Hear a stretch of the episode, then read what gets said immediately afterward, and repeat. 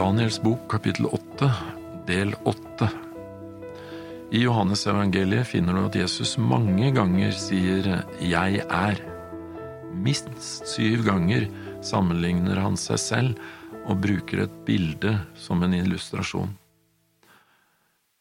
Vi har jo alt sett eh, at han sier at 'jeg er livets brød'. I kapittel 8 og vers 12 så sier han at han er verdens lys, og i kapittel 10 og vers 9 jeg er døren, og i vers 11 jeg er den gode hyrde, og i kapittel 11 og vers 25 jeg er oppstandelsen og livet, og i vers 6 jeg er veien, sannheten og livet, og i kapittel 15 og vers 1 så sammenligner han seg selv med vintreet. At Jesus taler i bilder når han innstifter nattverden, er ikke så vanskelig å se. Paulus siterer fra Lukas 22,20 i første Korinterbrev 11,25. Likså tok han også kalken efter aftensmåltidet og sa, Denne kalk er den nye pakt i mitt blod. Gjør dette som dere ofte som dere drikker den, til minne om meg. Han snakker ikke om det som et offermåltid, men som et minnemåltid. Dersom brødet virkelig blir til hans legeme, da må kalken også bokstavelig bli til den nye pakt. Kalk er oversatt fra det greske poteireon. Det er et drikkekar, i forlengelsen av innholdet derav, det vil si en kopp, billedlig talt så er det del eller skjebne. Ordet er i utsagnet dette er mitt legeme er brukt i betydningen av å representere, at det er et bilde. Gud har ikke behag i noens død, han har behag i Jesu offer fordi det dufter av kjærlighet og gir liv til døde syndere. I Gamle testamentet var det presten som bar fram offer på vegne av folket. Det var et bilde på Jesus, men det var ikke Jesu offer, og dyreofringene kunne ikke ta bort synd eller rense for synd, men dersom de i tro så fram til Han som skulle komme, kunne Jesus blod rense dem ifra synd, selv om hans offerdød lå årevis inn i framtiden. I Nye testamentet er det Jesus som er vår ypperste prest, og han har båret seg selv fram som et offer én gang for alle, står det i Hebreerne 727. Da Israels barn var i ørkenen, fikk de vann ved at Moses skulle slå på klippen. Da de senere sto i samme situasjonen, skulle Moses bare tale til klippen. Klippen er et fint bilde på Jesus, og vannet er et fint bilde på det levende vannet som Jesus tilbyr oss. Du finner historien i Fjerde Mosebok kapittel 20, men Moses han var eh, irritert på dette gjenstridige folk han gjør ikke som Gud sa. Isteden så står det fra vers ti at han sier, Nå dere opprørere, mon vi kan la vann strømme for dere fra denne klippen. Så løftet Moses ånden og slo to ganger på klippen med staven. Da strømmet det mye vann ut, så både folk og buskapen skulle kunne få drikke. Men Moses skulle ikke gjort det. Han satte seg selv i Guds sted og han tråkket egentlig på den sannheten Gud hadde forkynt han. Han ødela et bilde i frelsesplanen som Gud hadde forordnet. Herren sa til han, fordi dere ikke trodde på meg og ikke helliget meg for Israels barns øyne, derfor skal dere ikke føre dette folket inn i landet som jeg har gitt dem. Moses fikk derfor ikke oppleve å ta folket inn i landet. Historien er et bilde på at Jesus skulle ofres én gang. Siden skal vi bare minnes det offeret. Vi skal tale til klippen. Ikke gjenskape offeret og bære det framfor Gud. Når Peter i sitt første brev, i kapittel to og vers fem, sier å bli også selv oppbygd som levende steiner til et åndelig hus, til et hellig presteskap til å bære fram åndelige offer, slike som er Gud til behag ved Jesus Kristus, så er det ikke Jesu offer vi skal bære fram, men resultatet av det, at Jesus har skapt et nytt liv inni oss. Jesu liv skal komme til syne i oss. Vi skal være levende steiner fordi vi har vårt liv fra Kristus. Vi skal bli som Han. David sier i Salmenes bok kapittel 51 og vers 19, Offer for Gud er en sønderbrutt ånd. Et sønderbrutt og sønderknust hjerte vil du, Gud, ikke forakte. Jesus sin ydmykhet må prege oss når vi skjønner at det er vi som er årsak til Jesus sin død, så vil vi bli ydmyke innenfor Gud. I Hebreerne 13 og vers 16 så står det glem ikke å gjøre godt og dele med andre, for slike offer er til behag for Gud. Og det er ikke bare Nye testamentet-tanke.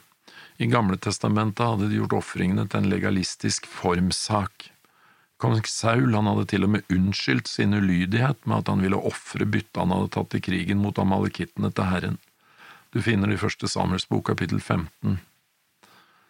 Men som respons så svarer Samuel han i vers, 5, vers 22. Har vel Herren like meget behag i brennoffer og slaktoffer som i lydighet mot Herrens ord? Nei, lydighet er bedre enn offer, lydørhet er bedre enn fett av værer.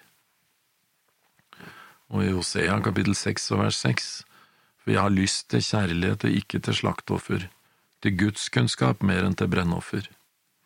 Det var nok noen som mente at profeten nedtonet verdien av offeret, men han gjør ikke det, tvert imot. Dersom offeret bare var en rituell handling uten at det gjorde noe med de som ofret, så var det faktisk forgjeves.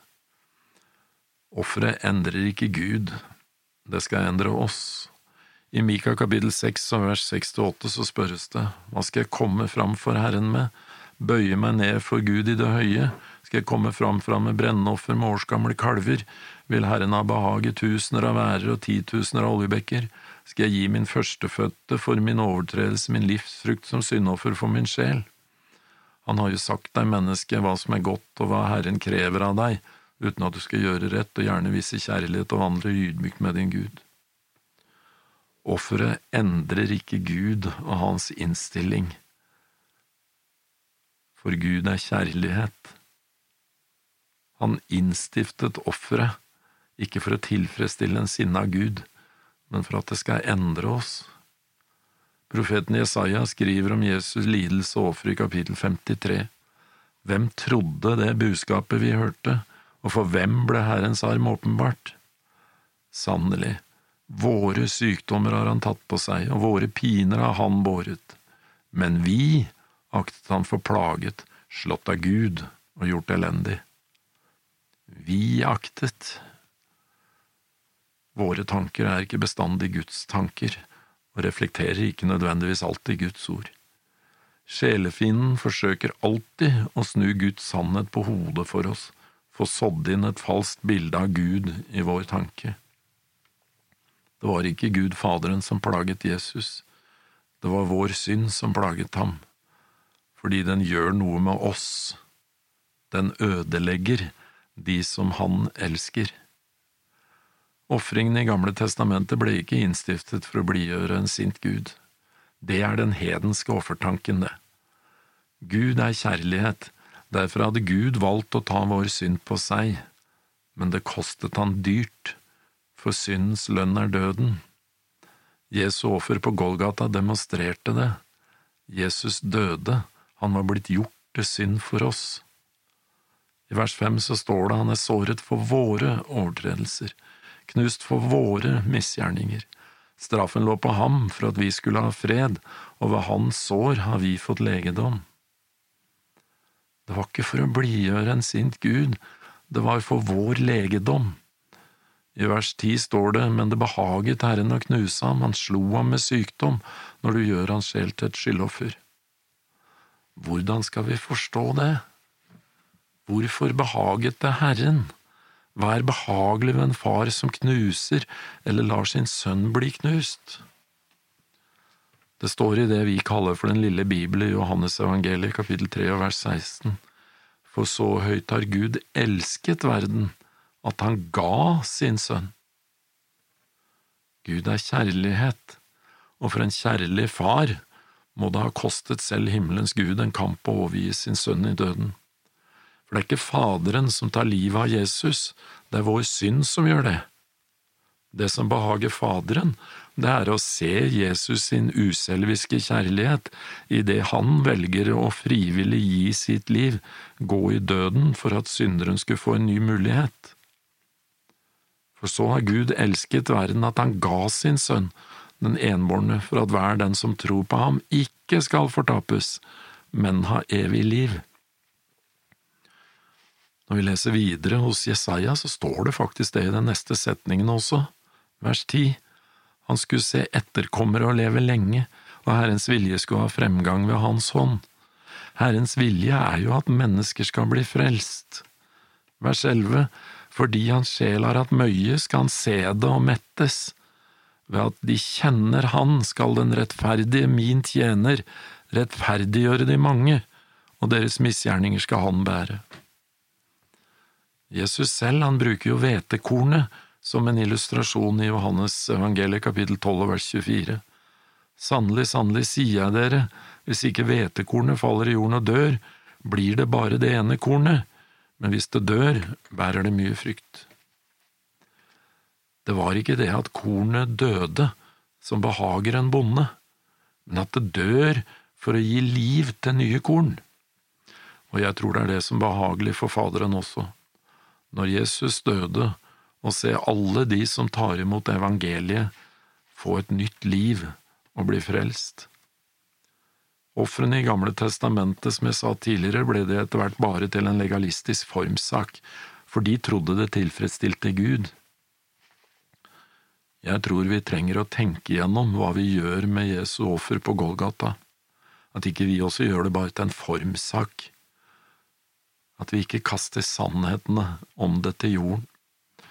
Ifølge hebreerne 9,14 er det Jesus selv som i kraft av en evig ånd bar seg selv fram for Gud som et lytløst offer. Det er ingen menneskelig prest som lever i dag som kan gjøre det.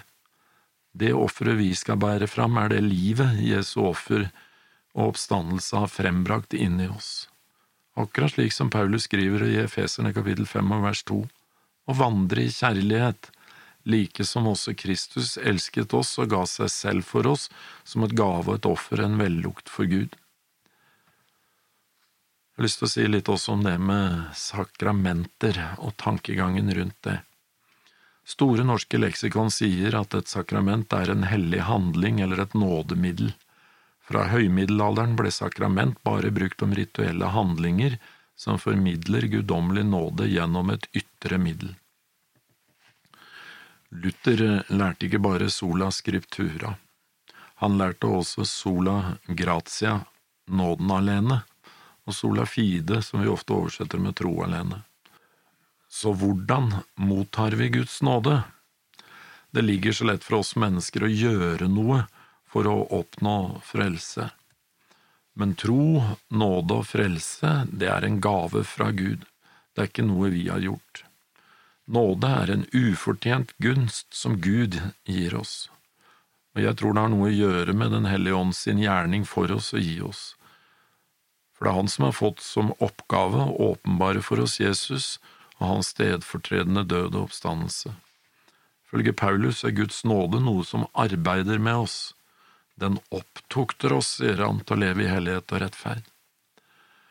Mange mener at en nattverdsmåltidet er et sakrament, et nådemiddel, og at dersom du har tatt imot alle sakramentene, ja, så er du automatisk frelst. Men er det sant? Skal se litt mer på det neste gang.